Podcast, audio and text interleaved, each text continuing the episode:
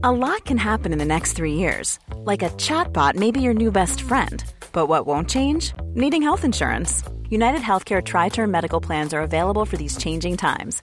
Underwritten by Golden Rule Insurance Company, they offer budget friendly, flexible coverage for people who are in between jobs or missed open enrollment. The plans last nearly three years in some states, with access to a nationwide network of doctors and hospitals. So, for whatever tomorrow brings, United Healthcare Tri Term Medical Plans may be for you. Learn more at uh1.com. Hey, I'm Ryan Reynolds. Recently, I asked Mint Mobile's legal team if big wireless companies are allowed to raise prices due to inflation. They said yes. And then when I asked if raising prices technically violates those onerous two year contracts, they said, What the f are you talking about, you insane Hollywood ass?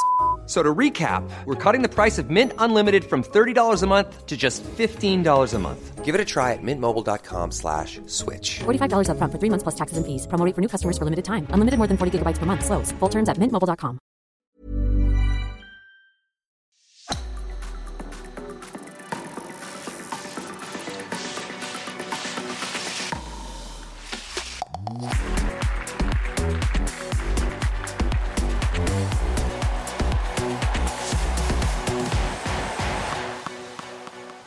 Og der gikk startskuddet. Indre bane er tilbake, dere. Ikke lenger bare som en eliteseriepodkast, men eh, nå skal vi gape over alt som fins av herligheter.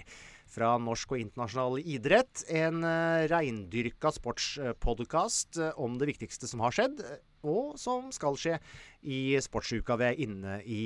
NRK Sportsrevyen, den er jo historie. Eh, levde i 60 år. Eh, indre bane lever i hvert fall. I 60 til. Så lenge I 60 minutter. Dorthea, velkommen. Hyggelig å se deg. Hvordan, eh, hvordan går det? Det går kjempebra. Dette er jo steinkult at du gidder ha med damer fra Stavanger her, Asbjørn. eh, Når du har hatt så suksess med, med både Gunhild og Joakim, så jeg tar det som en stor ære å få være med i hva sier vi, season two? Ja, noe sånt. Det er Eller jo, sports, det er jo litt i ny drakt. Ja, ny drakt er det i hvert fall. Ja. Ehm, de som eh, Noen som kjenner, ser en del tennis eh, på våre, våre kanaler, de kjenner deg igjen. For de som eh, ikke har gjort det, eh, hvem er Dorthea? Jo, Dorthea Forvidding fra Stavanger blir 25 år. Spilt tennis hele livet. Drevet med sprangridning, trekkspill, gitar, piano, hiphop og sang. Eh, vi skulle tennis, vi skulle hatt en musikkpodkast, egentlig, faktisk. Ikke en sportspodkast. fant vel ut at det var tennisen som funka for meg. Eh, nå flytta jeg hjem, bodd fire år i Amerika og spilt eh, college-tennis. Fått eh, drømmejobben i Discovery, jobber da i tennisstudio der. Fått ny drømmejobb, kjører podkast med Asbjørn. Ah. Sportsrevyen holdt på i 60 år. Vi tenker vel vi holder i hvert fall på i 60 år til. Og jeg synes, Ja. det men det må jeg si helt ærlig. Det er store sko å fylle. Eh, Sportsrevyen er jo helt rå. Eh, men målet mitt er jo da at farfar på 84 heller skal ta på indre bane enn å ta på Sportsrevyen. Og i Ja. tillegg at venninnene mine på 24 skal høre på indre bane. For de hørte Ja. ikke, og så ikke på Sportsrevyen. Så det er Nei. det vi må jo at alle kan følge med og holde seg oppdaterte. Og vi dekker jo til og med snooker, og det syns jeg er litt kult, for jeg må bli flinkere å se på snooker. ja. Har du sett noe gøyal sport på TV i det siste? Tennis Ja. sikkert, da, men Ja, jeg har sett mye tennis. Nå har jo Eliteserien begynt. Spilt tre runder, det er jo dritkult. Jeg ser jo alltid Premier League. Ser mye golf. Og så blir det litt eh, ishockey. Det vet ikke om det er vanlig å si sivilstatus, men jeg er jo da samboer med en ishockeyspiller. Så eh, det blir mye det. Holder pusten og livredde for de skal bli skada. Og så blir det jo selvfølgelig tennis både privat og på, på, på jobb, da. Og så er jeg jo ihugga fan av sprangridning. Så Heidi Skar, som har sendingene på Eurosport, dritkule damer. Og folk må se på sprangridning. Men Heidi skal vi ha inn i en eller annen episode her. Og det er det som er så fint. Vi kan, vi kan favne veldig bredt. Vi kan snakke om eh, alle idretter, alt som skjer, alt vi syns er eh, Alt vi syns er uh, viktig. Det er jo veldig gøy. Og så, uh, Ja, du sa for så vidt sivil status, men du bor jo da faktisk i Sverige også, så du er en slags utenlandskorrespondent for oss. Du må følge med litt på hva som skjer ute i den store sportsverdenen, eh, Dorthea. Ja, så det følger mye med. Bor jo i Sverige. Jeg bodde der nå i to år. Skal fortsette å bo der i hvert fall i to år. Fått meg, Adoptert meg ei bikkje på syv år nå for noen uker siden, så det blir spennende. Eh, så følger mye med på, på fotballen der òg. er jo kult med Hammarby, Djurgården. Skal vi flytte ned til Skåne, følge med på Valmø. Litt drit med Junge Berge, som ikke skal spille i Malmö nå neste sesong. Men eh, det blir dritkult, så du får bruke meg. Utenlandskorrespondent er vel litt store ord. Jeg har ikke det på LinkedIn, altså. Men eh, OK. jeg, jeg, tror, jeg synes det virker som du, dek, du, dekker jo på en måte inn det aller, aller meste her. Men, men jeg ble jo nesten litt personlig fornærma da jeg leste at Djurgården fikk bot for å ha barn på indre bane. ja, jeg leste det i går. Altså, det var jo da en av spillerne som hadde tatt med ungen på Og det var liksom på kanten av indre bane. Og så får jo klubben bot for å ha med barn på indre bane. Så da tenker jeg Vet du hva, svensker, vi skal vise dere hvor vi skal gjøre. Så vi må jo få med oss en eh, datter eller sønn eller eh, en, skik en, skikkelig ung sportsnerd som vi kan vise at i Norge der får du ikke bot. Unger de kan være med på indre bane. Ah, fantastisk. Eh, det skal vi prøve å få til. Eh. Men nå, første, første episoden, eh, nærmeste snaue timen, så skal vi faktisk eh, Vi skal høre fra Kasper Ruud. Det er kult. Han er med oss fra, fra, Madrid. Vi skal snakke litt om sykkelvåren, som vi har lagt bak oss, med spesielt fokus på Uno X. Og så, eh, selv om du holder til i Sverige, du har fått med deg den store snakkisen selvfølgelig denne uka. Klæbos nei til landslaget, langrennslandslaget. Det er jo svære greier. Ja, det blir helt vilt. Eh, helt vilt. Og så blir det jo spennende å se hva skjer videre med Langrennsforbundet og med Klæbo. Veldig. Eh, og så eh, skal vi også Du var inne, inne, på det. Vi skal altså innom eh, altså For mange så er det nok det som er selve, selve, selve eurosportidretten. Nemlig snooker. Snooker-VM spilles jo i Sheffield nå om dagen. Så det er rett og slett bare å spenne fast. Og nå kjører vi! Det som er bra med indre bane, vet Dorthea, det er jo at dette kan jo faktisk være et springbrett for andre toppjobber. Gunhild Tollnes ble, Premier, ble Premier League-programleder etter å ha hatt indre bane. Joakim mm. Jonsson ble sportsdirektør i Vålerenga. Så ja. det, er jo det er helt klart et bra utstillingsvindu, dette her. Ja, det blir spredt å se hva, hva managerjobb det blir på meg i, i fotballen etter indre bane. Men det er jo helt vilt.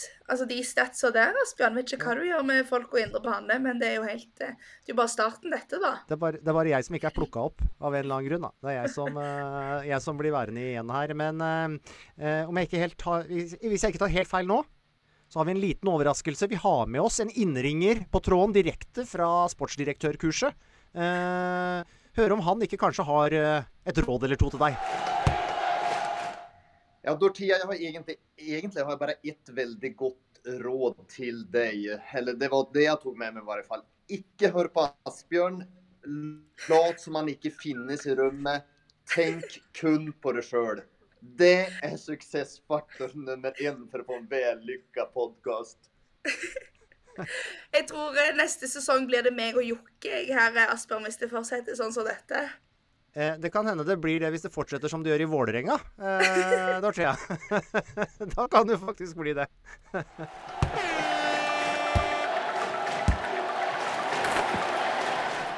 ja, Dorthea, har du fått uh, fulgt med noe på ditt kjære Viking nå i sesonginnledningen i Eliteserien? Ja, jeg har jo det. Jeg var litt heartbreaker den uh 1-0 til Rosenvåg når Stavanger-gutten Pereira skårte der på, på Lerkendal. Men utenom det, jeg må si meg fornøyd. Syns det var sterkt å reise opp til Tromsø og få 1-1. og moldenseren Svendsen som skårte der, så det har jo sett verre ut for andre store lag, store klubber, som egentlig har levert litt, eh, litt under par. Så jeg er fornøyd med mitt eh, kjære Viking. det er bra. Eh, ja, de som har levert litt under pari, eller kanskje har vært litt skuffende, eller som vi er litt usikre på nå, de regjerende seriemesterne, har ikke kommet veldig bra gang med poengfangsten, i hvert fall. Eh, Erlend Esche i Aftenposten? Det tror jeg du har helt rett i. Uh, tabellen er at de ligger nest sist på tabellen. Drit i det. Det er bare spilt tre av 30 kamper. Så det er mer enn nok kvalitet. Så det er ikke det det handler om. Men det det handler om, er at det er åtte poeng bak Bodø-Glimt. Og det tror jeg bekymrer veldig mange oppe i Molde. Sjøl om Erling Moe prøver å si det at vi er rolige. Han er en veldig rolig person i utgangspunktet. Men uh, disse åtte poengene skal hentes inn igjen også. Og, akkurat sånn som Bodø-Glimt har spilt nå i starten, så greier jeg ikke å se at de skal tape så fryktelig mange poeng. Så, så, så, så de har litt å tenke på på Molde nå. Utenom uh, at Bodø-Glimt har vært veldig veldig gode, at Molde ikke har fått så mye poeng, hva er det uh, noen spesielle utviklingstrekk eller trender her, eller ting som har skjedd som du har bitt deg spesielt ja, nei, merke i de første rundene? Brann ser gode ut, i hvert fall hjemme på eget gress. Mye entusiasme, energi. Det er en guts der. Det, det, er liksom, det er en sult der etter å spilt veldig bra. og Etter at de spiltes opp fra nest øverste nivå. God treningsvinter. og Det, det er liksom et bergen i fyr og flamme. Det trenger hele norsk fotball. Eh, ellers så ser Lillestrøm ser veldig seige ut på Åråsen. Det er mye vilje der, det er kampglød. og De vinner tighte kamper der, og det er et godt tegn. Eh, det ser ganske bra ut der. Og så eh, Jeg har vært på Åråsen, og det er liksom enormt trøkk eh, på tribunene. Jeg er helt sikker på at de snudde mot Godset i den første hjemmekampen. Så fra 2-3 til 4-3 Mye var pga. den enorme backinga. Ellers så sliter Rosenborg med sin samhandling, spesielt offensivt. Eh, Vålerenga er Vålerenga. Du vet aldri hvor du har dem. De har stått på stedet hvil nå i mange år. Uh, ja, så er det Men det er Molde-trøbbelet da som kanskje er den viktigste uh, vi har, Det vi har lært mest av, da. Ja. Skulle du si noe, Dorthea? Ja, eh, men de sier jo ut at, de er rolige òg. Og Kjetil Rekdal sa de hadde hatt en dårlig uke med trening nå før de spilte uavgjort med, med Sandefjord òg. Men hvis du ser da ut ifra Vi vet jo hvor vanskelig det er å å vinne igjen. Eh, ta, ja. ta titler og, og, mesterskap igjen for, for, Molde. Og det har jo vist seg sykt mange ganger. Det er jo nesten ingen som klarer det. Nei, ja, det, det, er noen få som har greid det. Liksom, det å gjenskape idretten er kanskje det vanskeligste som er, ikke bare i fotball, men i all idrett. Liksom, når du har kjempa så hardt for å nå et mål, vinne et gull, og så er det det største du kan vinne ut fra det du, parameteret du konkurrerer mot. da. Og, så, og, så, skal du liksom gå løs igjen på nytt. da. Og F.eks. i norsk øverste herreserie så er det siden 1963 kun fem trenere som har greid å forsvare seriegull. Gunder Bengtsson Vålerenga, Nils Arne Eggen gjorde det mange ganger med Rosenborg. Uh, Ole Gunnar Solskjær i Molde, Brutter'n i Rosenborg og Kjetil Knutsen i Bodø-Glimt. Uh, men det her er jo noe de er klar over, alle vet om, og det er jo ikke noe nytt. For eksempel, eh, det, det er en historie fra Old Trafford, eller Manchester United. Nøyaktig, kjør. Hæ? Ja, bare kjør. Ja. Jeg vil høre historien. Nøyaktig 30 år siden eh, så vant Manchester United under sir Alex Ferguson ligaen for første gang på 26 år. Det er vill jubel i garderoben. Det sprøytes champagne overalt. Feststemning de luxe. Og så kommer sir Alex inn i garderoben, stilles opp midt i, ber om oppmerksomheten. Og så ser han, så er det helt stille, så sier han Gutter, på kontoret mitt der har jeg en konvolutt. I, I, den konvolutten er en lapp. Der står det tre navn. Og de tre navnene kommer til å svikte meg neste sesong. Helt stille. Spillerne begynner å se på hverandre. Hvem kan det være som svikter? Ja Og så, etter litt tid, så sier bare sir Alex at sorry, det var ikke noe lapp i dere. Men grunnen til at han gjorde det, var for å holde dem på tå hev, se fremover, bevare sulten, ikke bli for, fornøyde med seg sjøl. Og det er jo veldig lett når du har vunnet et seriegull. Molde vant med 18 poeng i fjor, altså. Og da, du blir veldig fornøyd med deg sjøl. Og da, da, er det ikke så lett å restarte igjen. Det, det, kan jo være en sammenheng. Til, I tillegg så har de hatt litt uflaks, kan man si. da. De burde stått med mm. seks og ikke ett poeng ut ifra spill, sjanser og kvalitet. Eh, men det at Bodø-Glimt da selvfølgelig eh, ser så veldig sterke ut, det gjør jo situasjonen til Molde, Molde vanskeligere og verre. Eh, de, altså de fyker ut av startblokkene, avgjør kampene i løpet av de første 10-15-20 minuttene. Eh, mm. og ser ut til å ha et nivå, ikke minst i angrepsspillet. Eh, og det de gjør på siste tredel, hvor de på en måte har beholdt et slags europeisk nivå, nærmest ser ut som. Det, det, de ser akkurat ut sånn som de gjorde i ja, 2021, da de satte poengrekord. Mm. Uh, men det, det, her er et resultat av at uh, de har vært tro mot sin stil i mange år. Vært kjempeflinke til å hente inn spillere i definerte roller. for, for, det, det, liksom, det skjer jo gang på gang på gang. Eh, de henta han Albert Grønbæk i fjor sommer, høst for 25 mil. Det var en voldsom prislapp, og en del var nok kanskje skeptiske til det. Og han brukte jo litt tid på å komme inn i systemet og kjenne rolla si. Men eh, han har brukt, brukte høsten godt, brukt vinteren godt, og de tre første kampene nå så har han kanskje vært eh, ligaens beste spiller. Og, så, og, og, de har også slitt med skader, Bodø-Glimt. Uh, de har en brei stall, da, heldigvis for dem. Brukte overgangsvinduet veldig bra i vinter. Men uh, Hugo Vetlesen var jo ute nå sist med sykdom, men der kom Konradsen inn, og ja, hva gjør han da? Det var to målgivende. Så, Enkelt. Ja, det, det, det, ser jo enkelt ut for oss som ser på, men det er jo ikke enkelt. Men det, det er jo alltid det er jo Grunnen til det er at Bodø-Glimt veit hva de driver på med, og tro mot det klubben skal være. Eh, Bodø-Glimt mot Brann er jo da en av de virkelig godbitene den runden som kommer nå. Og så er det eh, Derby på Intility.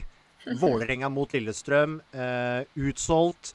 Eh, og et Vålerenga hvor det jo alltid fra styrerommet og ned til eh, rommet hvor de har ballene, uh, er ja, Hvor det er kontroverser, og hvor det er mange som mener veldig mye. Og, og Du skrev vel en, en, en, kommentar her nå i helga, Erlend, om litt sånn Vålerenga må snart finne ut hvilken retning de skal gå i. Hva slags klubb skal Vålerenga egentlig være? og der er det jo mange som, som mener mye, og det er kanskje et av problemene i Vålerenga. Ja, det er jo et vepsebol. Eh, men, men det, her er jo ikke noe nytt. Eh, jeg, jeg fulgte Vålerenga ganske tett eh, da de, den, forrige, den storhetsperioden 04-05. Og etter det så har det jo vært trenerskifter. Det har vært vanvittig mye meninger. Det har brukt øst ut med penger. Men hele tida så liksom Hvilken vei var en røde tråd her? Hvilken retning skal det være? Og akkurat nå så er det liksom, Skal de være en utviklingsfabrikk, talentfabrikk, eller skal de være et topplag? De vil tydeligvis være begge deler, men det er ikke lett å få til. Så det Vålerenga må gjøre, det må liksom bare finne ut hva vil Vålerenga være. Finne retning. Og, men du, vi snakker jo med en del folk som har ganske godt kjennskap til det som skjer i klubben. Men det, det menes så mye. Hvem er den egentlige sjefen? Hva driver styret på med? Det er liksom, Bare årsmøtet i vinter var veldig kaotisk. og De skulle jo inn med en ny styreleder i Vålerenga fotballelite. Hadde en mann klar. Det var Jørgen Jalland. Og valgkomiteen innstilte han som eh, leder. Og så Nei, det gikk ikke. For han var ikke valgbar fordi han ikke var, hadde vært medlem lenge nok. Og det er jo ikke sånn en toppklubb skal driftes. Så det starter jo allerede der. Og så er det liksom hvem tar de sportslige avgjørelsene? hvordan det samarbeidet mellom Fagermo og Jokke Johnsen, og hvilken rolle har Trøim oppi det her, han er en klubbeier, blander han seg? Og, og, så har jo alle dem på utsida også som engasjerer seg. Så de må først finne ut hva De må bli, komme til felles enighet om hva de skal være, tror jeg. Ja. du kommer liksom aldri helt bort fra det følelsen av at uh, VIF, uh, enten vi snakker hockey eller fotball, fortsatt, uh, at det fortsatt dukker opp noen pølsepapir i regnskapet der. hvor, hvor det er ført ja, én million kroner i sportsteip eller et eller annet sånt. Det er den, den følelsen man alltid, alltid får. så det er mye å glede seg til i helga. ikke minst da Darby de la Marcus Solbakken. Viking mot HamKam Dorthea. Endte med selvmål sist, eh, så får håpe at det blir, eh, blir, bedre i dag. Eh, nei, denne gangen. Men sykt spennende uansett. Ja. Eh, vi gleder oss til det. Vi liker å følge med litt på norsk fotball selv om vi ikke har rettighetene lenger, så vi skal nok komme tilbake til Eliteserien også i indre bane framover. Takk skal du ha, Erlend, for at du var med oss. Vi er eh, snart i mai, men vi er ikke helt ferdig med vinteridrettene, Dorthea. For uh, denne uka kom uh, beskjeden om at uh, Johannes Høsflot Klæbo Han vil stå utenfor langrennslandslaget. Og der føyer han jo seg inn i en historie som strekker seg helt tilbake til Petter Northug for ti år siden. Men denne gangen så får han altså følge av både Kristine Stavås Skistad, som er fornøyd med det opplegget hun har rundt seg i klubben sin i, i Konnerud. Eh, og Astrid Øyre Slind, som uh, var en av de store gjennombruddsløperne, får vi si, i godt voksen alder denne sesongen. Hun satser videre på langløp, i tillegg til at hun jo har vist at hun kan virkelig hevde seg i, de ordinære langrennskonkurransene også. Birger Løfaldli, du er eh, kommentator i Adresseavisen i Trondheim. Du har fulgt dette her veldig nøye.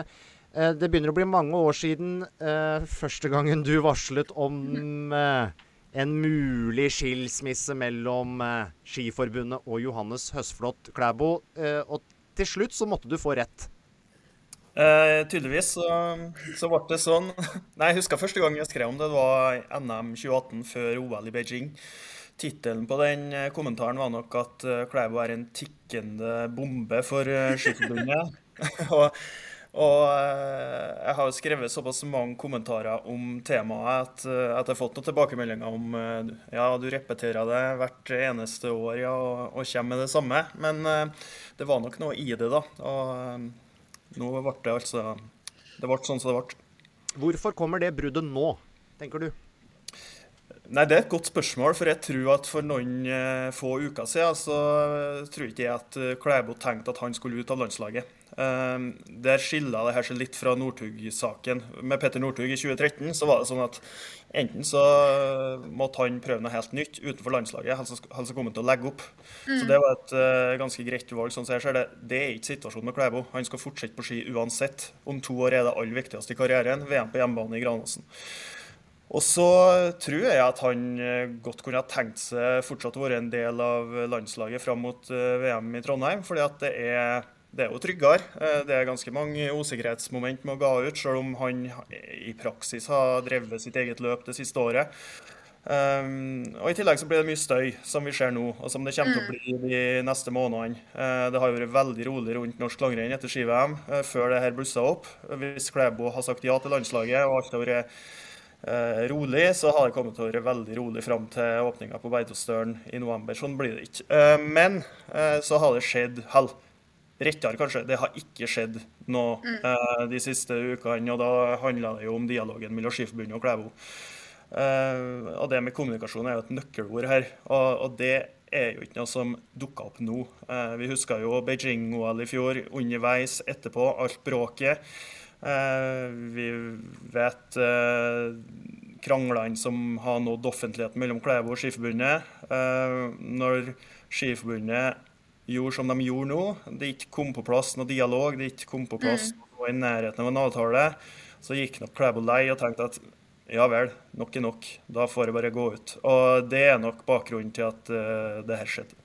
Men jeg føler jo Ja, Unnskyld, Dorthe. Jeg skal bare si det at uh, vi, vi, spurte Espen Bjervik også om han hadde lyst til å være med og snakke om dette der. Uh, Langrennssjefen. Han, han ønska ikke det. Men, men bare én ting, uh, så skal du slippe til, Dorthea. Men eh, Johannes Høsflot Klæbo, den desidert største stjerna de har, hvordan kan man på en måte glippe på oppfølging av han? kommunikasjon med han? Hvordan kan man havne i et sted hvor ikke jeg ville jo nærmest ha, ha, ha holdt han i hånda eh, fra, fra, VM og fram til nå, av frykt for at nettopp noe sånt eh, kunne, kunne, skje. Altså eh, hva, hva, hva, tenker du egentlig har skjedd der? Nei, det er jo et av de aller mest interessante spørsmålene. Hvorfor kunne det skje? Hvorfor var det ikke noen som førte opp det her på et tidlig tidspunkt? Og da eh, spør jeg meg jo det da, at er det noen i Skiforbundet som tenkte at eh, det har vært så mye styr det har vært så mye diskusjoner, og Klæbo har jo tross alt kjørt sitt eget løp. Er det noen som tenkte at kanskje er det nesten like greit at han ikke er en del av landslaget lenger? At eh, så slipper vi det her. Men jeg tror jo at det er en ganske kortsiktig tankegang i så fall. Um, det blir jo nevnt her at og det har vært bruka som et argument at uh, hvis vi slipper fri Klæbo, så slipper vi de her årlige debattene om uh, å få på plass avtaler osv. Jeg tror det her bare fører til mer konflikter, mer mm. usikkerhet. For nå skal det jo nye avtaler på plass. Det skal Det er mye flere ubesvarte spørsmål. Hva skal skje i november når han skal inn eh, og ga v-cup i Ruka igjen? Når skal han ha på seg drakt med Skiforbundets sponsorer? Når skal han legge sine private sponsorer ned? Når han skal på høydeopphold i desember som betaler sjøl? Er det da rett og rimelig at han får profilere sine egne sponsorer på et enda viktigere tidspunkt enn nå midt på sommeren? Sånne ting er uavklart, og Skiforbundet får veldig mye å stri med de neste månedene. For jeg føler jo Jeg har fått litt sånn samme vibes med Henrik Kristoffersen på alpintlandslaget, med at han har kjørt mye sitt eget, har flydd hun amerikanske fysioen rundt, men at han har fått lov til å gjøre det, at han har fått spillerom, sånn som Kristoffersen òg får, men allikevel at de klarer å samarbeide og ha liksom de store greiene sånn du er en del av oss, men du er dritgod, vi vil ha deg, men du skal få lov til å kjøre ditt eget. Kan det være at Skiforbundet vil ha mer Klæbo? At de ikke vil han skal være så alene som han kanskje vil, da. Og at han klarer seg alene økonomisk uten Skiforbundet i ryggen. Eller er det ja, han klarer seg. Han er ja. den som kommer klart best ut av det her uh, når en ser på han kontra Skiforbundet. Mm. økonomisk, økonomisk kommer sikkert han bedre ut enn han har gjort uh, ellers. Mm. Og, og, så er det et poeng her som ikke har kommet så godt fram. For én ting er jo det sportslige. Og mm. han har jo fått uh, lagt til rette det sportslige det siste året. Og det, det er jo Eh, det virker det jo som han har kommet til å fått gjort eh, kommende år òg. Eh, men for Skiforbundets del så er det jo det at de gir slipp på markedsrettighetene. Det er jo det som er mest dramatisk. Ved at han nå går ut, så kan ikke de bruke han i i reklame. De kan ikke bruke han når de skal selge sponsor, sponsoravtaler. og Det er jo ikke så godt uh, merkbart akkurat nå, men om to år for eksempel, da, når avtalene skal fornyes, så tror jeg det blir veldig merkbart. og Det er jo det her, det handler om den grunnleggende debatten. Hvordan skal norsk langrenn finansieres? Fram til nå så er det sånn at uh, Skiforbundet har hatt uh, markedsrettigheter på de største stjernene, som det har vært en flust av de siste ti åra. Um, og de er veldig interessant for eh, sterke næringslivsaktører som da spytter inn i norsk langrenn, som Skiforbundet igjen kan bruke på mindre kommersielt interessante lag, sånn som eh, rekruttlag, juniorlag, bredde og satsing ut mot klubbene. Eh, ved at stjernene nå som Altså, det her kan jo eskalere når Skistad får, når Slind får, når Klæbo får. Mm. Den neste da, som kommer og banker på døra, er, hva skal du argumentere for at den ikke får? Eh, det ser ikke at det er mulig. Så det det kan føre til, det er jo at stjernene kjører sitt eget løp. Eh, Skiforbundet får ikke bruke dem, og inntektene kommer da til å svikte. Og da er jo landslagsmodellen sånn som vi kjenner det, for fall. Da må norsk langrenn finansieres på en annen måte. Og akkurat den biten er jo kanskje det mest interessante oppi det her. Ja, På litt sikt så er jo det på en måte kanskje det mest dramatiske. Fordi vi vet at de allerede er jo i en situasjon hvor de må kutte eh, ja. kostnader. Eh, og så mister de da markedsinntekter. Og, og, og, er dette her bare en snøball som, som så vidt er i gang med å, med å begynne å rulle? Det er jo et uh, interessant uh, spørsmål. Så dette må de jo uh, de kan vel si hva de vil, men de må jo kjenne, kjenne på alvoret i forbundslokalene, egentlig. Tror du ikke det, Birger? Absolutt. Og det her var jo det som ble debattert på skistyremøtet i går. der de eh, valgte å beholde den omstridte startnekt-regelen. Den som sier at eh, hvis du sier nei til landslaget, så skal du eh, ikke få gå World Cup. Men da blir det jo litt spesielt når skipresidenten rett etter møtet sier at Klæbo får gå likevel. Så hva, hvordan det henger sammen, det er jo jeg er litt spent på å få grundigere svar på. Så er det et annet poeng. I 2013, da Northug gikk ut, eh, så var norsk landing i en helt annen posisjon. Gørgen var på landslaget, Johaug var på landslaget. En rekke av de aller største profilene i norsk idrett var på skilandslaget. Og I tillegg så var det høykonjunktur. Det var nesten sånn at sponsorene eh, sto i kø for å sponse eh, landslaget i langrenn. Det er annerledes nå. Eh, og, og, nettopp den biten, når det blir argumentert med at ja, sponsorene vil sponse fellesskapet, ikke enkeltutøvere, jeg er litt usikker på den. altså. Eh, Iallfall når det går litt tid, og hvis det her fortsetter. Eh, så, eh, så det som skjer nå, det, det har veldig stor betydning for eh, norsk langrenn framover bare til slutt, hvorfor et, et langrennslandslag, eh, kvinner og menn som er så suksessrike og har vært over så mange år De sportslige fremgangene har vært enorme. Likevel så sitter man med en følelse av at det alltid blir litt bråk? Er det bare fordi langrenn er så stort i Norge? Det er mange som har så mye meninger. Eh, eller er det andre ting i strukturen her, mekanisme, ledelse, som gjør at det hele tiden blir litt sånn eh, eh, gruff, da. Didrik Tønseth inne, ute av landslaget, inne på landslaget, misfornøyd med prosessen der. Eh, Simen Hekstad Krüger, han fikk ikke gå femmila etter å ha vært VM-konge i, i Planica. Eh, man føler at det hele tiden er sånne småting som, eh, som kommer opp, og nå selvfølgelig eh, situasjonen nå rundt at de største, største stjernene ikke vil gå, for, eh, gå på landslaget. For å ta Skiforbundet litt i forsvar først, da, så En årsak til det er at langrenn er veldig populært. og Pressen følger langrenn veldig tett hele året. Uh, I en annen grad enn de andre skiidrettene og de andre vinteridrettene òg. Sånn at hvis det er noe lite, uh, hvis det er noe lite som dukker opp, en liten konflikt eller en sleivete uttalelse, så blir det blåst opp i media. Uh, sånn er det. Og det skal langrenn være glad for. For det er, det, det er den oppmerksomheten som gjør at de er så interessante for sponsorer. Uh, den andre sida det er jo det at det har vært klønete ledelse. Uh, det har vært svikt i ledelsen når det gjelder kommunikasjon. Ikke bare nå, men gjentagende. Og, og akkurat det er, er jo bekymringsfullt. Altså, for det er jo, når det ser på Klæbo-saken nå, så tror jeg kanskje det det handler om. Hvis, hvis det har vært god kommunikasjon, god dialog, god personkjemi, ikke minst, mellom ledelsen og Klæbo-leiren, så tror jeg det her har vært unngått. Da tror jeg Klæbo fortsatt har vært på landslaget nå. Eh, så, eh, så det med kommunikasjon, og når det gjentar seg så mange ganger, i fjor i Beijing, underveis, etterpå og nå igjen, så, mm. så har jo jeg også sett i langrennskomiteen virkelig vil ha sett på hva er det som har foregått her. Eh, det vi kan være sikre på, er at kommende langrennssesong blir sannsynligvis ikke helt konfliktfri. den heller, sånn som dette her har eh, utvikla seg. Det blir spennende å, å, følge situasjonen eh, rundt langrennslandslagene, men ikke minst hele modellen for norsk uh, langrenn videre. Tusen takk skal du ha, Birger, for at du var med. Og så har du sikkert heller ikke skrevet din siste kommentar om Klæbo og langrennslandslaget. Neppe. takk. I'm Nick Friedman. I'm Lee Alec Murray. And I'm Leah President. And this is Crunchyroll Presents The Anime Effect. We are a new show breaking down the anime news, views, and shows you care about each and every week. I can't think of a better studio to yeah. bring something like this to life. And yeah, I agree. We're covering all the classics. If I don't know a lot about Godzilla, which I do, but I'm trying to pretend that I don't right Hold now. it in, hold it. And our current faves. And... Luffy must have his due. Tune in every week for the latest anime updates and possibly a few debates. Oof.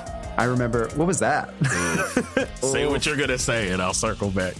You can listen to Crunchyroll Presents The Anime Effect every Friday wherever you get your podcasts, and watch full video episodes on Crunchyroll or the Crunchyroll YouTube channel.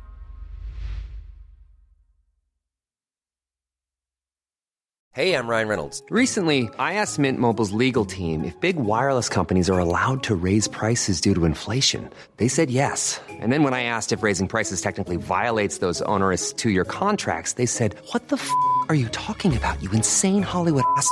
So to recap, we're cutting the price of Mint Unlimited from $30 a month to just $15 a month. Give it a try at mintmobile.com slash switch. $45 up front for three months plus taxes and fees. Promo for new customers for limited time. Unlimited more than 40 gigabytes per month. Slows. Full terms at mintmobile.com.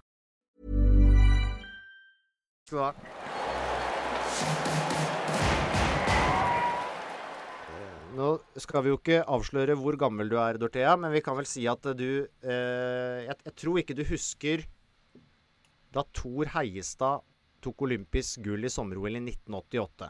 Det tror jeg ikke du husker. Uh, men har du hørt om Thor Heiestad? Han vant OL-gull ved å skyte på løpende villsvin. Nei, jeg har aldri hørt navnet eller hvordan du kan vinne OL-gull av å skyte på løpende villsvin. det var ikke det var ikke ekte villsvin. Det var det ikke. Eh, så det var en slags figur. Så sto de på 50 meters hold, og så, push, så var det en figur som ligna på et villsvin, som føyk forbi i synsranden, og så var det om å gjøre å treffe. Hvilken sport er dette, Asbjørn? Skyting. Å oh, ja. ja. I sommer-OL. Ganske spesielt.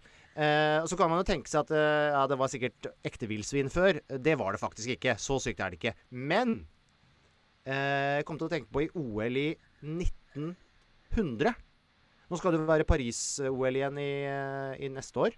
Men i 1900 også, i Paris eh, Leirdueskyting har du sikkert eh, Mhm. sett eller vært borti. Mhm. I 1900, da var det ikke leirduer. Da var det duer. Villsvin. Nei, Nei. det var ikke villsvin. Men det var duer. Nei. Nei. Det var levende duer. Nei. Jo. Fran Eh, altså, vent, vent, Asbjørn. Franske duer franske i duer, ja. Paris. Ja. Hæ? Og det var, det var eh, to forskjellige dueskytterkonkurranser i 1900-OL. Og eh, Donald McIntosh fra Australia vant den ene, og Leon de Lunden fra Belgia vant den andre. Og det ble skutt 300 duer. Nei. Nei, nei, nei. nei, nei, nei. 300 levende duer. Og eh, det sies at til slutt så ble liksom hele skytebanen der ble jo bare et mess. Ja, med fjær og blod og, og døde duer. Ehm, og, og så var det sånn at dette her var eh, Det var eh, Det var pengepremier med i den konkurransen. Og derfor så fikk de opprinnelig ikke OL-gull, fordi det skulle være amatører ikke sant, som konkurrerte. Det skulle ikke være proffer. Eh, men så på et tidspunkt tidlig på 90-tallet så ble faktisk de her anerkjent som olympiske mestere. Men siden så var det vel noen som skjønte at ja, vi hadde en konkurranse hvor vi faktisk drepte levende dyr. Det er ikke så bra å ha i historiebøkene. Så litt seinere igjen så fjerna IOC dem, da. Så, så nå, nå står de ikke offisielt som, eh, som olympiske vinnere, de to Macintosh og, og The London. Men, den, men på et tidspunkt så har de faktisk vært det. Og i 1900 så ble det altså skutt på levende duer. i- Og IOC i Paris. Og IOC godkjente dette I en, I en periode så tenkte de ja, ja, jo, de, det var vel en konkurranse, så det, det må være med. Det må være med. Ganske work- spesielt. Ja, vi har kommet eh, lang vei. Helt sprøtt. Tenk de duene, da. Vet du hva, Neste gang jeg skal til Paris, skal jeg se på duene og tenke at dere er glad dere lever, gutter. Dette. Det er.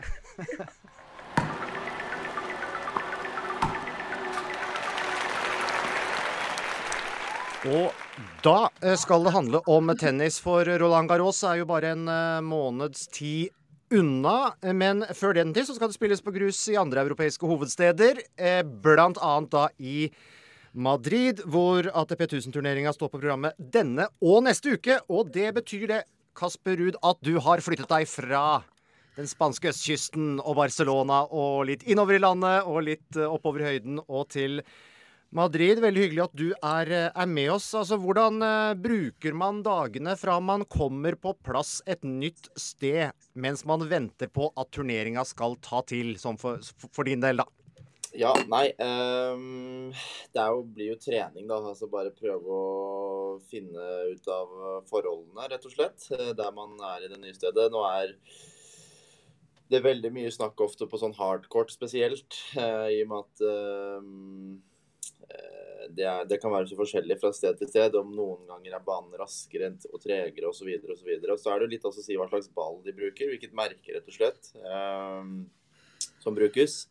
Men på grus så syns ikke jeg det er så veldig stor forskjell egentlig fra sted til sted. Bortsett fra nettopp her i Madrid, hvor det spilles i 700 høydemeter eller noe sånt, som gjør at ballen går litt raskere gjennom luften. Det flyr litt mer, og ballen du må legge på enda litt mer toppspinn for at den skal duppe ned. Eh, så da er det greit å få en del dager på de banene her og, trene time på banen for, for trening og kjenne på på en måte hvordan eh, ballen reagerer på de slagene som kanskje vanligvis ville gått inn. kanskje de flyr litt ut osv. Så, videre. så man må gjøre litt sånn småjusteringer eh, med utstyr, rett og slett. Hvor eh, f.eks. hvor hardt man strenger racketen og sånne ting, som kan være med å hjelpe til at det skal føles bra, da. De, de, de atmosfæriske forholdene spiller rett og slett uh, inn. Altså, du, uh, nå har du fått uh, turneringa i Barcelona og, og, og kampen mot Serundolo der og sånn litt på avstand. Hva, hva, sier, eh, hva sier analysen og magefølelsen eh, når, når du har fått det litt på avstand? Nei, jeg eh, Magefølelsen sier vel at jeg er klar for en ny uke og en ny, ny turnering. Det er jo det som er på en måte fordelen med tennis. Det, er, det kan jo bli veldig intensivt med veldig mye kamper på rad. og Man får ikke mye pause hvis man gjør det på en måte veldig bra, som jeg har fått kjenne på litt før. Kanskje ikke like mye i år, for det har ikke gått like bra som jeg håpet. kan du si. Men uh, det er også bra, for da får du bare noen dager eller det er bare noen dager imellom før du får en ny sjanse. da, Og har lyst til å prøve å kanskje snu den litt uh, mest sannsynlig tapende, det tapet du hadde forrige uke, til, til noe positivt og prøve å vinne noen, noen kamper igjen. Så det er jo det som er på en måte fordelen med tennis, at det er en ny sjanse nesten hver uke. og Akkurat i år så blir jo Madrid og Roma spilt litt annerledes. Det skal spilles over flere dager og på en måte to kalenderuker, da, kan du si. Hvor, eh, hvor uh, Ja, det er to fulle uker hvor turneringen pågår med qual og main draw. Og så, så disse to turneringene spilles over fire uker kontra to. Så det er litt annerledes å nå måtte justere om litt på. Um, så, men ja, det var, det var et tøft tap i Barcelona. så Jeg hadde mange muligheter til å vinne første sett, som kan ha vært avgjørende. Man vet jo aldri. Det er jo ikke sånn at man vinner kampen bare fordi man vinner første sett, men um, surra det litt til. Og så syns jeg Serendolo spilte bra. Så klart han, uh, han, har for, forbedret seg veldig. Han er en spiller som på en måte ikke spilte så mye junior, for han var faktisk ikke så god da han var yngre. Og så har han virkelig tatt store steg uh, de siste årene. og var sånn halvveis på vei til college, tror jeg, før han på en måte ombestemte seg i siste liten. og Så ga det heller et forsøk og spilte noen uh, future litt sånn, og så plutselig så bare endte han opp med å vinne mange av de. og Da, da på en måte sånn hans karriere har bygget seg opp. da, Så han har forbedret seg veldig fra jeg spilte mot han i fjor og slo han i Miami. Så har jeg tatt mot han to ganger nå på grus. så det har vært uh, det var kjipt. altså Jeg skulle gjerne vunnet begge gangene, men man må bare innse at det er mange gode om dagen, og mange som har høyt potensial. Ja, og du, jeg tenker med Fokuserer du på å finne tilbake til liksom godform Nestoril? Jeg mener jo det er jo mye bra å ta med seg både på eh, Monaco og Barcelona, eller tenker du mest tilbake på, på Estoril og de, alle de matchene du vant der, selv om du har jo spilt bra tennis både i, i Monaco og Barcelona òg, selv om ikke de resultatene du vil ha da? Ja, altså jeg føler at måte spillet egentlig er uh, ganske så bra. Altså mm de kampene jeg tapte nå i Barcelona og Monte Carlo, har jo vært uh, Ikke sant, jeg har hatt matchball eller noe sånt, det har vært et par jevne sett som på en måte ikke har gått helt mitt, mitt favør. Og så er jo, som jeg har sagt mange ganger, det er små marginer i tennis. Det er lite som mm. skiller uh, seier fra tap. Noen ganger er det ett poeng uh, hvis man har matchball og taper, og noen ganger de fleste andre gangene er det kanskje fem, seks, syv poeng da, i løpet av en kamp som kan være avgjørende om du klarer å bryte motstanderen på et viktig mm. tidspunkt eller ikke, og sånne ting. Så det har vært litt måte stang ut. Uh, som er på en måte litt en måte enkel utvei å forklare det også. Men uh, det er bare å prøve å tenke at neste gang skal jeg prøve å være tøffere enn jeg var uh, sist på de ballene. Og tenke at nå er det min tur til å prøve å vinne litt igjen. så det er ikke sånn at jeg stresser altfor mye med det, selv om jeg tapte tidligere enn enn mm. jeg skulle ønske i Monte Carlo og Barcelona, så vet jeg at jeg vant en turnering før Monte Carlo og er komfortabel på grusen. Så får man bare håpe at det klaffer skikkelig nå de neste ukene. Det blir mange spennende store turneringer på vei, da, så med Madrid, Roma og selvfølgelig Roland Garros, som blir eh, noe av årets høydepunkter for min del. Det er jo klart eh, Er det noen store turneringer hvor jeg virkelig føler at jeg har best sjanse til å gjøre det bra, så er det jo nettopp på grusen, og håper at eh, det kan starte med noe, noe, noe bra nå her i Madrid. Er det noe små justeringer du har gjort og tatt med deg fra Monte Carlo og, og Barcelona, utenom å kutte dessert? liksom. Eh, jo, nei. Eh, jeg har eh, Altså, målet er jo å prøve å, å spille sånn rett, rett, og slett litt, litt, litt, dypere. Det har blitt litt kort på en måte mm. i ballvekslingene, som har gjort at motstandere på en måte får tid og mulighet til å dra på og spille aggressivt. altså Returer har blitt litt kort. Eh, liksom halvmeter, meter litt for kort. Så prøve å få de litt lengre og dypere i banen, sånn at motstanderen ikke kan på en måte spille så offensivt eller attakkere så mye som de har gjort. da. Så det er vel litt det som på en måte er uh, kanskje Som kanskje kan være med på, på å endre og, og, snu ting, litt ting. Men um, altså, det er ikke sånn at jeg går av banen mot Serendolo og føler at forhånden er dårlig, eller backhand er dårlig, eller serve, eller alt, eller at det er noe som er veldig dårlig, som endres veldig mye på. Men det er litt lengde. altså Jeg ble litt grann kort, som er liksom snakk om en meter eller et eller annet med, på lengden, da, som uh, kan være med å, å, å snu eller avgjøre en kamp. Det at du gjorde det så bra, eh, så bra i fjor, eh, føler du at motstanderne kjenner deg enda bedre? Altså blitt mer fokus på deg? Du har, eh, du har fått mye oppmerksomhet og, og, har gode resultater å vise til. og Føler du at du om mulig blir tatt enda mer på alvor eh, av motstanderne, rett og slett? Ja.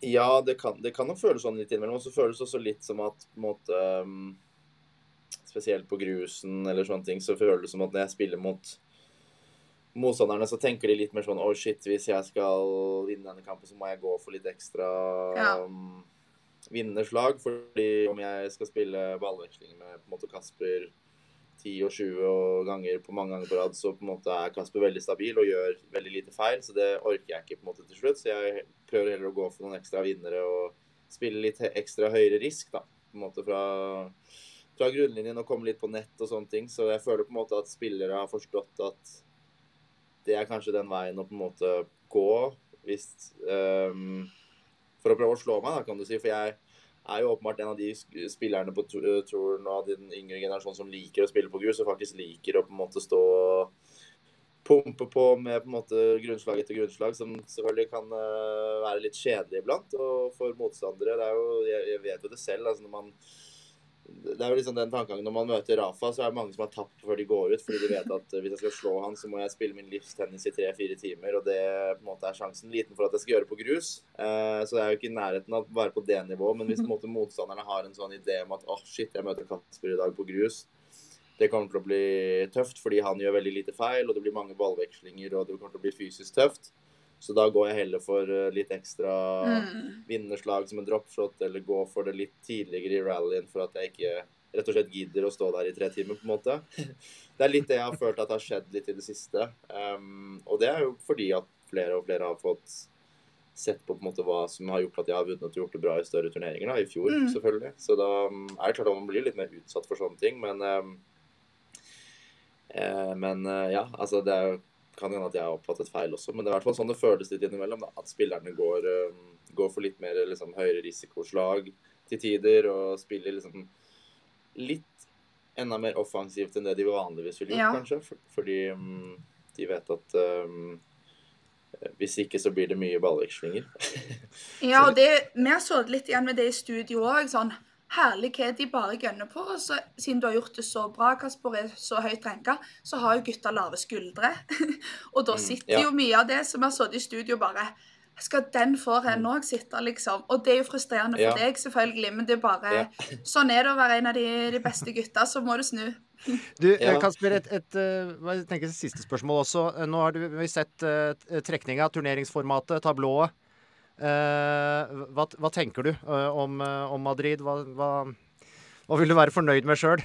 eh, nei, altså Det hadde vært bra, viktig og bra med et godt resultat her nå, helt klart. Um, jeg har uh, fått meg trekningen så klart og sett dem møte vinnerne av to, to kvalspillere. Så jeg vet ikke helt hvem det blir ennå, men uh, det som på en måte er bra med um, disse liksom større, nå disse turneringene blitt større, at du, hvis du gjør det bra, så får du liksom hviledager imellom som er mm. bra for kroppen. Og på en måte være i riktig modus osv. Og, så videre, og prøve på en måte å unngå skader og vondter og sånne ting som oppstår etter hvert. Men, um, men uh, nei, jeg, jeg har, har troen på at det kan gå bra her. Altså, jeg synes bare forholdene passer kanskje ikke. Det, det, passer jo egentlig alle som spiller aggressivt, men for min del som spiller med mye toppspinn, så spretter det ganske høyt her. Så jeg på en måte føler at hvis jeg kommer i gang med mitt spill, så er det ganske, kan det passe meg ganske godt. Um, og så er det klart det blir jo mindre ballveksling her i Madrid enn det vil gjøre i Roma eller Barcelona, i og med at det går fortere og ballen flyr litt mer. Så det blir jo ikke helt sånn her den virkelig liksom grustennisen man kanskje vanligvis ser ellers. Men um, jeg føler samtidig at jeg, jeg, gjorde det bra her for et par år siden og skal prøve å hente fram litt um, inspirasjon fra da, og tenke på hva jeg gjorde godt da. Jeg var, jeg var i semifinalen her i 2021, så um, hvis jeg klarer å tangere det, så kommer jeg til å være veldig fornøyd. Fantastisk. Eh, da gleder vi oss. Det blir noen veldig spennende, spennende uker. Eh, først, først, i Madrid, og siden Roma og Paris og, og, og hele sulamitten. Vi gleder oss til det. Gleder oss til å følge deg. Gleder oss til å vite hvem som blir første motstander yeah. når det er klart. og så får du rett og slett ha masse lykke til. Tusen takk. Da snakkes vi. Ha det. Ha det, ha det bra. Tenniskommentator Christer Franke, da har du hørt uh, Kasper uh, fra Madrid. Hva tenker du? Virker uh, vår mann å være på, på, riktig sted? Ja, jeg tror han er på riktig sted. Han er profesjonell, så han forbereder seg ganske likt til, til hver turnering han spiller. Så jeg tror ikke han, han tenker så mye på hvordan disse resultatene har vært i forkant. Han er han er der han skal være. Han vet han er god på grus. Han vet at forholdene i Madrid er litt fortere. Og vet også hvordan spillet sitt kan, kan fungere der, med toppspinn som kan bite mer. og han må jo tro på de, de, tingene som er bra for han, og det er mye bra for han i Madrid også. Han har gjort det bra der tidligere. Ja, jeg er helt synes Du, Dorthea, syns du hørtes ut som han hadde, at han har selvtilliten til tross for uh, litt så der resultater den siste tida?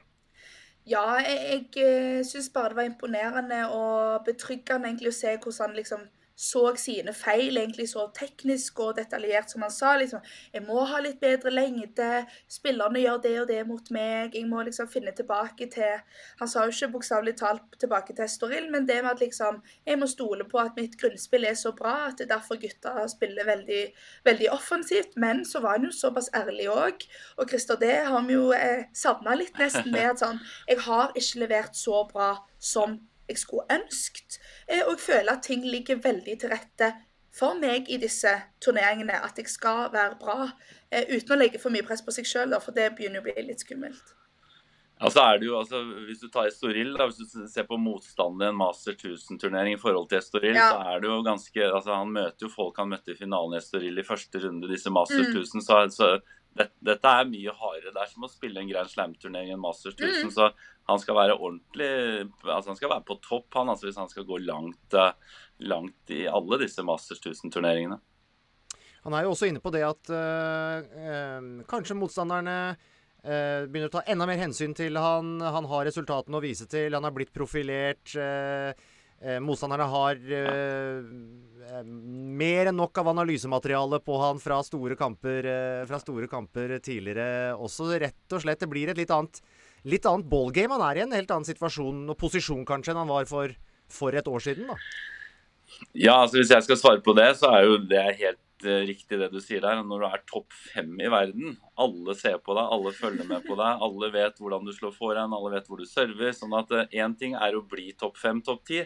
En helt annen ting er å ligge der lenge. For, for, det er mye tøffere. Du må forbedre deg, du må utvikle deg. Sånn er det med tennisen. Du, det er ikke det at når du kommer opp, så er det bare å legge seg ned og si OK, jeg er topp ti, og så blir du der. Det er, det er en sånn stadig jobb som og Det kan vi se på Djokovic, Federer, Nadal. De har jo utviklet seg hele tiden. selv om de, altså Det er ikke sånn at de bare har vært der og så gjør de det samme. De gjør noe nytt. De utvikler, de lærer. Så det, det er nok det også Kasper og teamet hans også sikkert skjønner at her må man gjøre mer og utvikle seg for å henge med på, på utviklingen, rett og slett. Ja, om det er én en eh, sport som eh, mange forbinder med eurosport, og hvis det er én stemme som mange forbinder med nettopp den sporten på eurosport, så må det være deg, Torstein Trikkvik Vik. 20. snooker-VM du kommenterer nå på rappen. Nå er det kvartfinaler som pågår akkurat nå, faktisk. Vi går inn i finalehelga i eh, Sheffield. Lange arbeidsdager for deg om dagen? Ja da, her kjører vi snuker 24-7. Det, det spises og drikkes snuker hele tida. Du, hva er det mest uh, spektakulære, spennende som har skjedd uh, så langt i, i snooker-VM?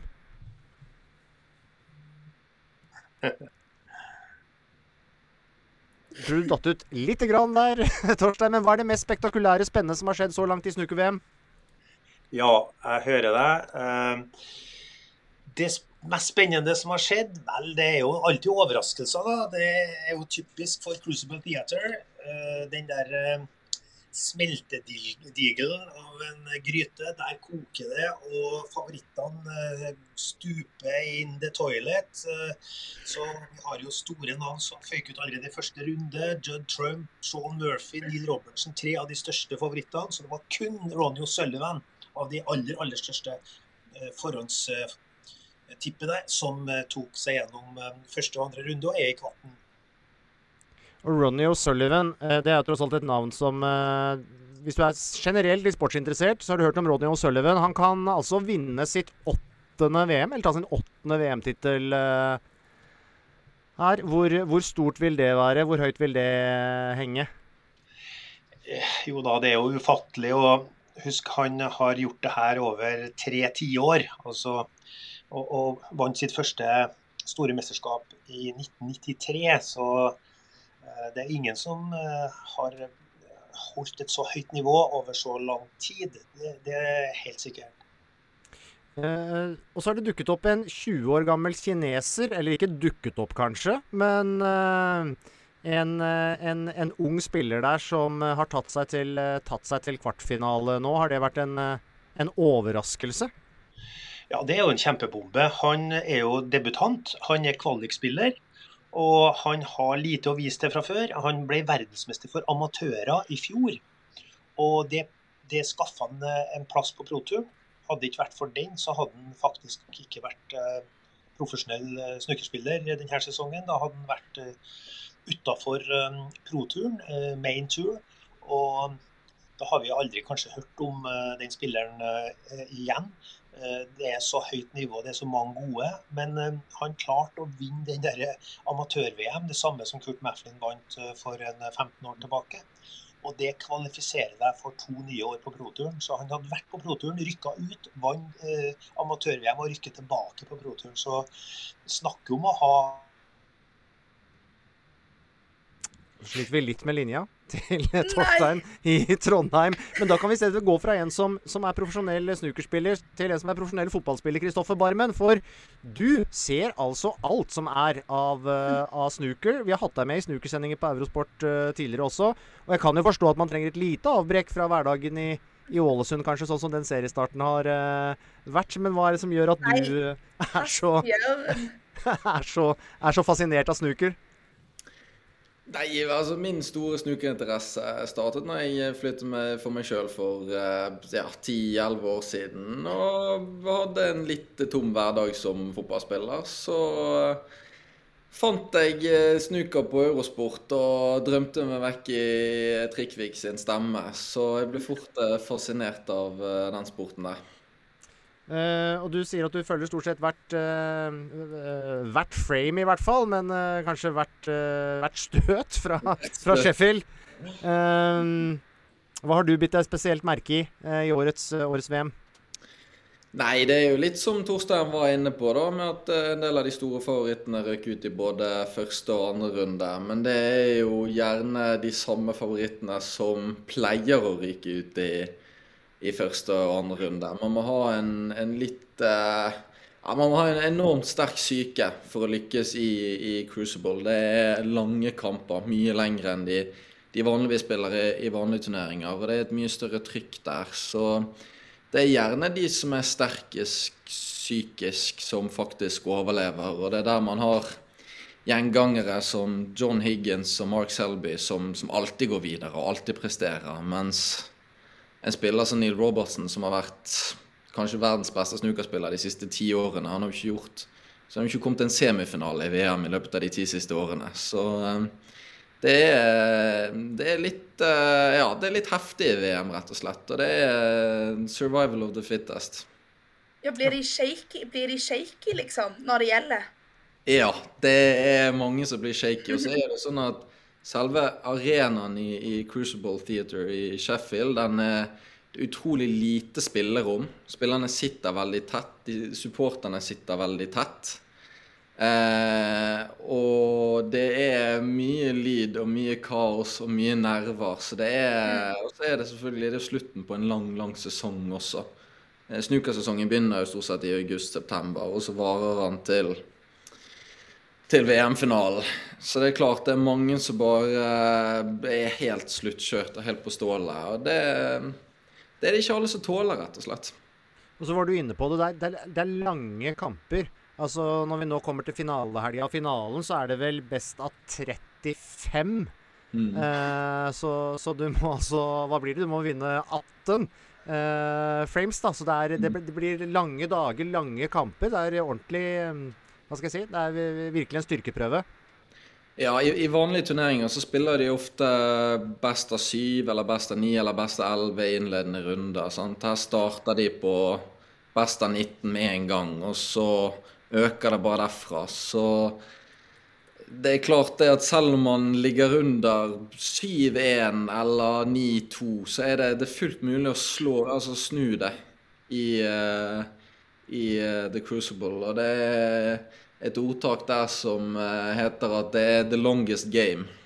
Mm. Det, er, det, det, varer og det varer og det varer. You have to play the long game, pleier de å si.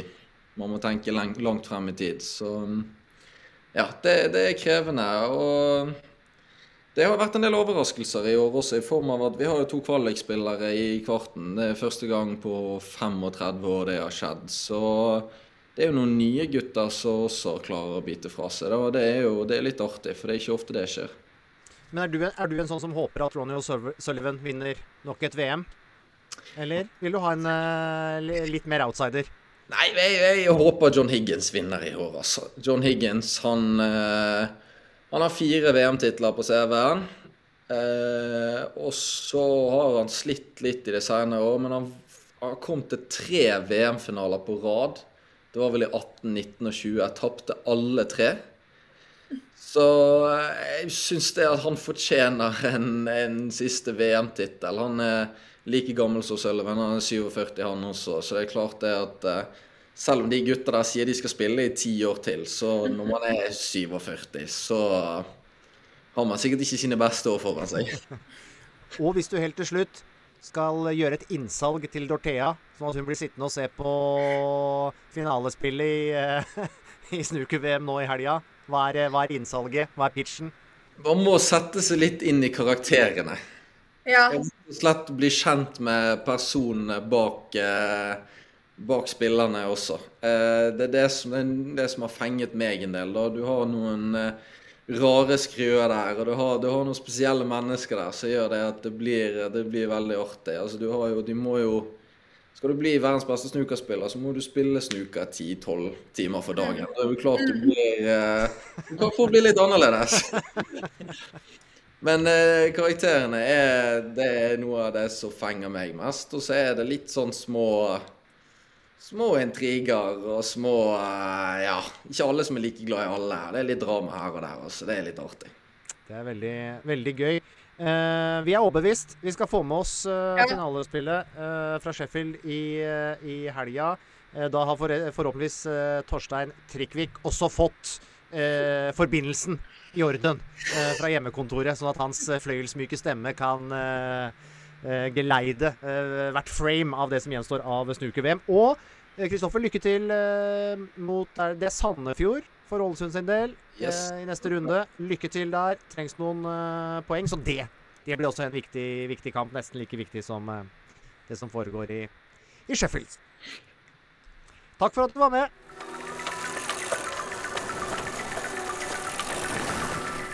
Nå skal vi til sykkel, for det er snart bare to måneder til Tour de France begynner i Baskerland på den spanske sida er, eh, er, starten eh, i eh, år. Og for første gang så har vi jo med et norsk herrelag i, i Tour de France.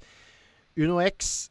og vi har lagt bak oss en Uh, vår nå. Vi er gjennom vårklassikerne, Theis Magelsen, vår sykkelkommentator.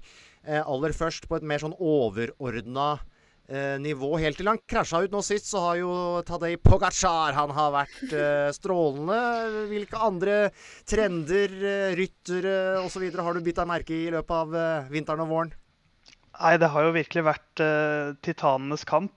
Eller på en måte titanenes kamp mot Pogacar. Han har jo eh, hva skal man si, trukket i, i trådene i alle rittene han har syklet, så han har jo vært helt makeløs. Og så har du van der Poel, som har klart å slå han i, i Milano San Remo i hvert fall, men som ble slått i Flandern rundt.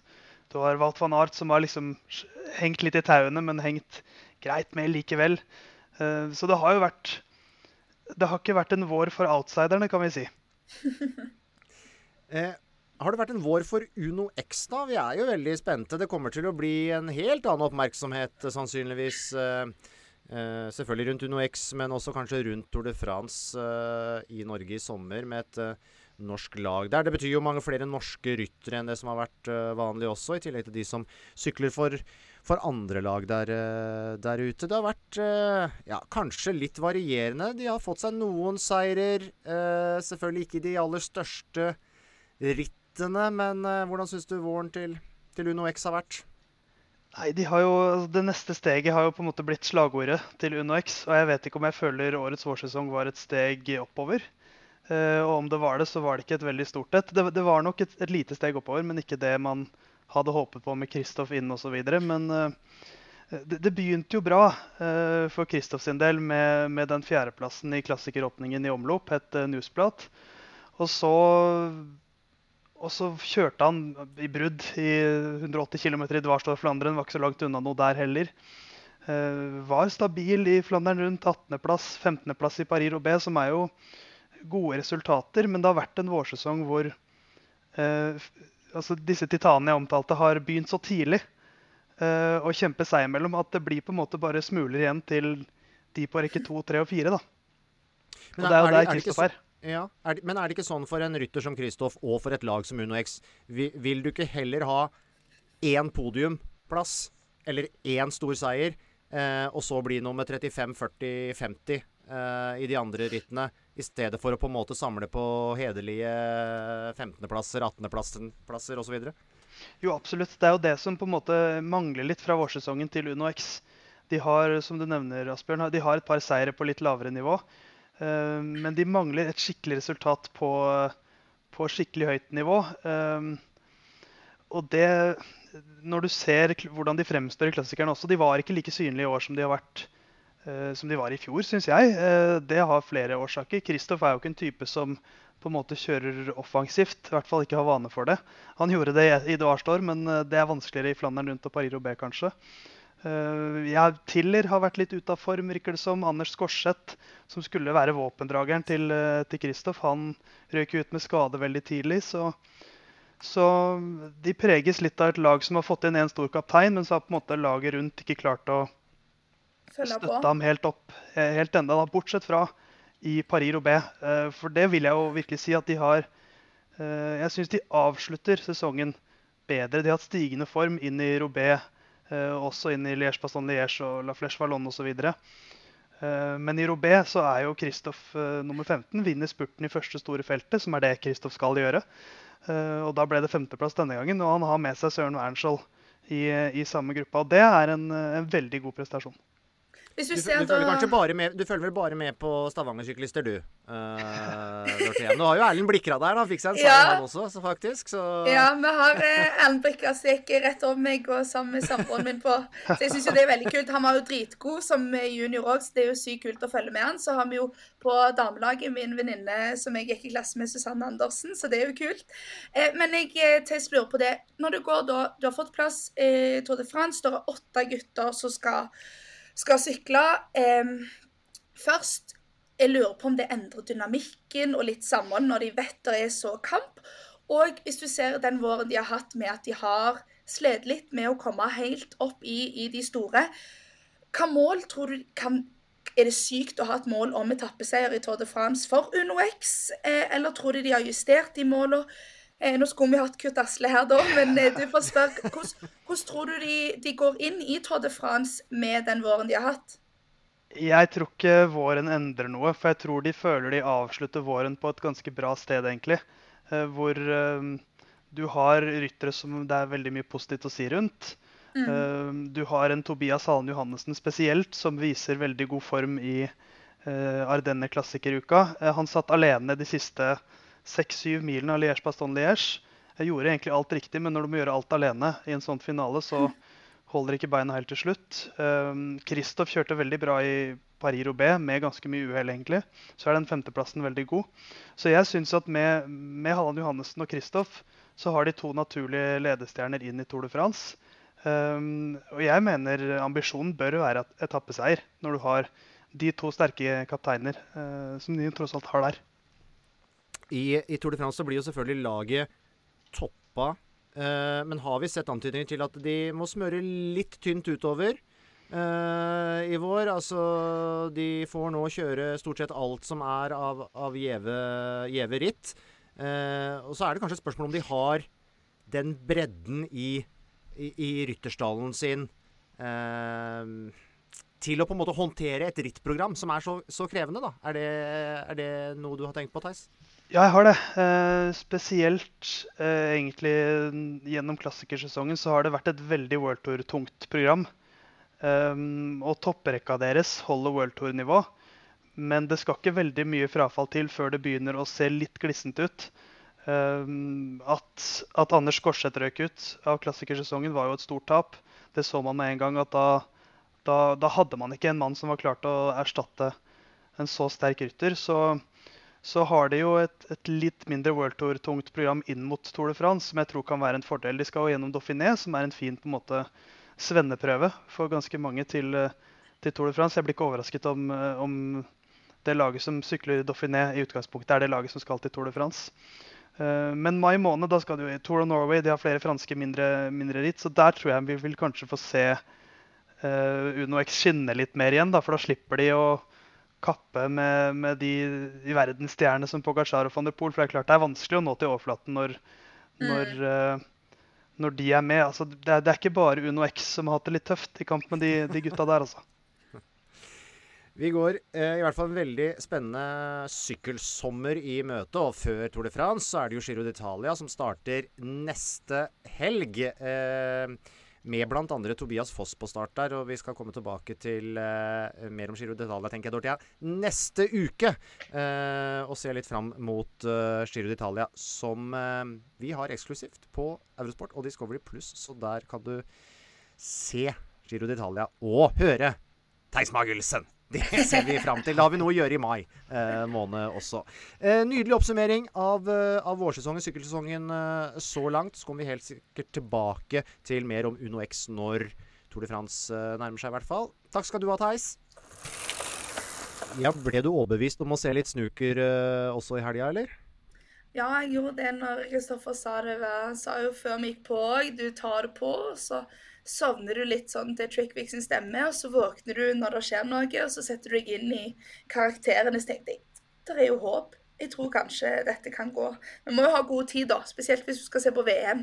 For det var jo dritlange kamper. Ja. Går over flere dager, eh, til og med. Um, hvordan syns du podkasten? Første podkasten har gått?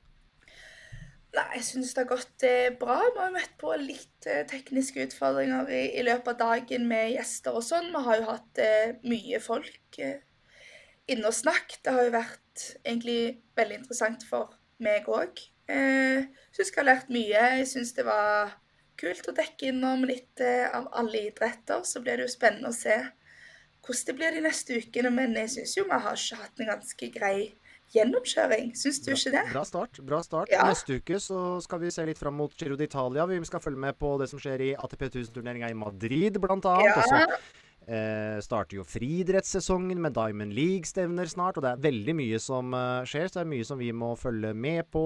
Golf spilles det, og i det hele tatt. Det blir veldig gøy. Um, hvis du har lyst til å sende en mail til oss, så kan du sende til tips at discovery.com hvis du har noe ris eller uh, ros, uh, eller tips til hva vi bør ta tak i av temaer. Følg oss også på Instagram. Indre bane heter kontoen der. så sjekk ut det hvis du ikke allerede har gjort det. sørg for å se masse sport på Eurosport og Discovery Pluss i helga. Det er egentlig det viktigste. Og litt fotball. Og litt fotball, må man kunne se. Absolutt. Ja. Ja. Eh, hva har vært uh, ukas navn for deg i uh, norsk idrett, uh, Dorthea? Nei Det er jo alltid litt sånn uh, ut ifra hva, hva folk interesserer seg i, og hva som er ukas navn for de. jeg må jo si Klæbo.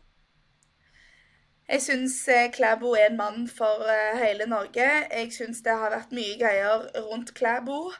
Ukas navn kunne jo egentlig vært eh, Langrennsforbundet òg, da, men jeg velger å si Klæbo. Om mannen har blitt for stor for sitt eget forbund, eller om forbundet ikke klarer å si 'vi har oss ut', det blir spennende å se. Men det blir spennende for oss nordmenn som puster langrenn, og se hvordan rulleskisesongen er det jo som kommer opp nå, da. Hvordan, ja. hvordan, det blir. Men eh, nei, det har vært mye, mye rør og mye senter på, på Klæbo. Får vi se om sponsorene holder han eller eh, Skiforbundet. Men det er jo det som har vært de største overskriftene, er ikke det? Jo. Absolutt. absolutt. Eller, eller, eller, demonstrasjonene på snukerbordet. Ja, det snakket, vi snakka ikke så mye om det med, med Torstein og Kristoffer, men uh, der var det jo miljødemonstranter som farga snookerbordet med oransje uh, kritt eller kalk, eller hva det var, rett og slett, og avbrøt en kamp der. Ja, så det òg syns jeg var Drama i snookerhallen! Ja, det liker vi. Så nå må folk skru på for å se demonstrasjonen. Nei, jeg syns Kunne sitt my sagt mye navn, men eh, som nordmann så må jeg si Klæbo må bli ukas navn. ass. Eh, lykke til med pennissendinger, da. I helga også. Kasper spiller vel på fredag? Ja, og, ja, og motstanderne som han møter vinnerne av, spiller i dag eh, starter rundt fire. Ja. Så folk må gå på Discovery Pluss, møte vinnerne av to kvalspillere. Så håper vi at Mas- Kasper får litt eh, medvind før Roland Garros. Herlig. Eh, tusen takk til deg. Jo, sjøl takk. Takk for at jeg får være med. Ja. Eh, Kos deg med sendinger, så snakkes vi neste uke. Ja, det gjør vi. Ha det. Ha det. Snakkes.